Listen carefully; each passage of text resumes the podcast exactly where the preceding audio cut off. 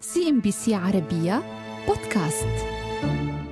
في نهاية كل يوم تملأ آلاف الأطنان من الأغذية الصالحة للتناول صفائح القمامة عوضا عن سد جوع آلاف الأفواه في العالم. ظاهرة عالمية دقت ناقوس خطرها منظمة الأمم المتحدة إنها ظاهرة هدر الطعام. والأمر المقلق حولها هو ارتفاع معدلات الهدر رغم استمرار المجاعات ومعاناة البشر من نقص حاد في الغذاء ناهيك عن آثارها البيئية السلبية. تختلف كلفة هدر الطعام والفاقد من الأغذية عالميا لكن من المرجح يرجح أن نسبة فقدان وهدر الأغذية تصل إلى حوالي الثلث سنويا على مستوى العالم وهي تقدر بأكثر من مليار طن سنويا. في الوقت الذي يصل فيه عدد من يعانون من نقص الغذاء والجوع المستمر عالميا إلى 850 مليون شخص بحسب بيانات منظمة الأمم المتحدة عن وضع التغذية والأمن في العالم. تم تسجيل تلك الأرقام بالرغم من الجهود التي تبذلها العديد من المنظمات والمؤسسات الدولية وحكومات العالم. هذا وقدرت منظمة الأغذية والزراعة الفاو كلفة هدر الأغذية في مراحله المختلفة بنحو 400 مليار دولار سنويا.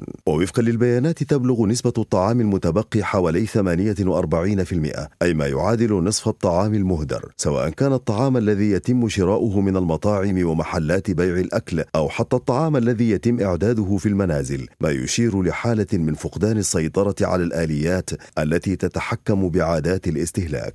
هذه المفارقة في هدر الطعام في بعض الدول وتضور الآخرين من الجوع في دول أخرى تضع الإنسانية على المحك وتزيد من الحاجة لتبني المبادرات وإصدار التشريعات في الدول للحد من هدر الطعام وتحويله للدول والمناطق الهشة. هذا ولا يمكن إغفال ظاهرة الهدر التي تترافق مع قدوم شهر رمضان حيث تؤكد العديد من الإحصاءات في الدول العربية أن حجم الإنفاق في رمضان لا سيما في دول الخليج يرتفع بنسبة 50% مقارنة بباقي أشهر العام. وتقول منظمة الأغذية والزراعة للأمم المتحدة إن الفرد في منطقة الشرق الأوسط وشمال أفريقيا يهدر ما متوسطه 250 كيلوغرام سنويا من الغذاء وأن هذا الهدر يزيد في رمضان بمتوسط 100 كيلوغرام ليصل إلى 350 كيلوغرام. في ذات الإطار يشير تقرير عنوانه حالة الأغذية والزراعة. أصدرته الفاو إلى أن نسبة هدر الغذاء حول العالم تقدر عالميا ب 14% فيما بينت إحدى التقديرات الشاملة التي أعدتها المنظمة بأن حوالي ثلث الأغذية في العالم يفقد أو يهدر سنويا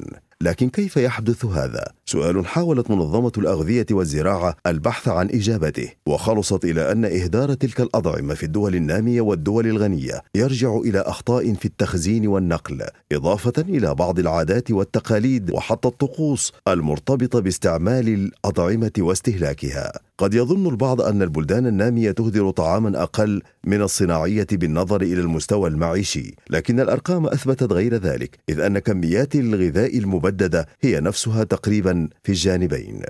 إذا تتعدد وتختلف أسباب هدر الطعام في العالم أجمع، لكن النتيجة المؤكدة أن مليارات الأطنان من المواد الغذائية والتي تعادل كمياتها نصف المواد الغذائية التي تنتج عالميا تلقى في القمامة. بالانتقال إلى الوطن العربي تعاني العديد من الدول من نقص في الطعام، خاصة في المناطق التي تشهد نزاعات وحروب، حيث تطالعنا أرقام صادمة فيما يتعلق بهدر الطعام في منطقة الشرق الأوسط وشمال أفريقيا، إذ لا يقل الفاقد من الأغذية والهدر الغذائي خطورة إذا ما تمت مقارنته مع سائر دول العالم. ولفتت منظمة الفاو أنه وبالرغم من المنطقة العربية وشمال أفريقيا تعتمد على الواردات لتلبية أكثر من نصف احتياجاتها الرئيسية. لكن رغم ذلك فإن نسبة هدر الطعام هناك تصل إلى الثلث. لذا فإن الحد من ظاهرة هدر الطعام تعتبر مسألة حيوية في منطقة الشرق الأوسط وشمال أفريقيا باعتبار أن احتمالات زيادة إنتاج الغذاء أمر محدود للغاية في ظل الأوضاع البيئية الغير مؤاتية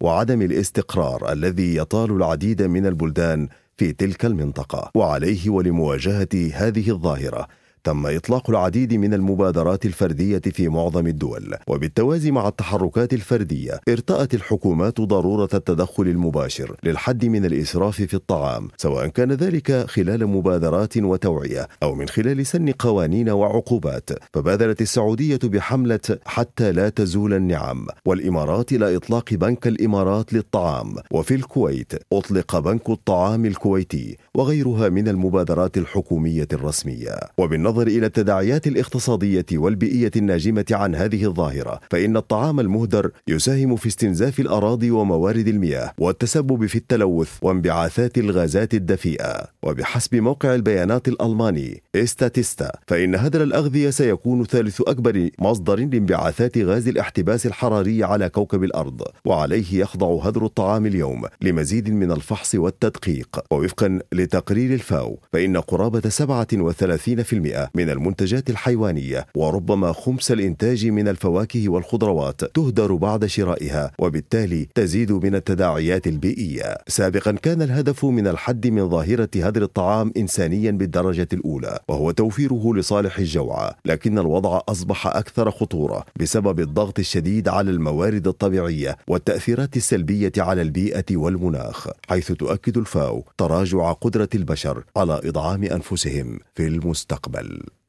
سي إم بي سي عربية بودكاست.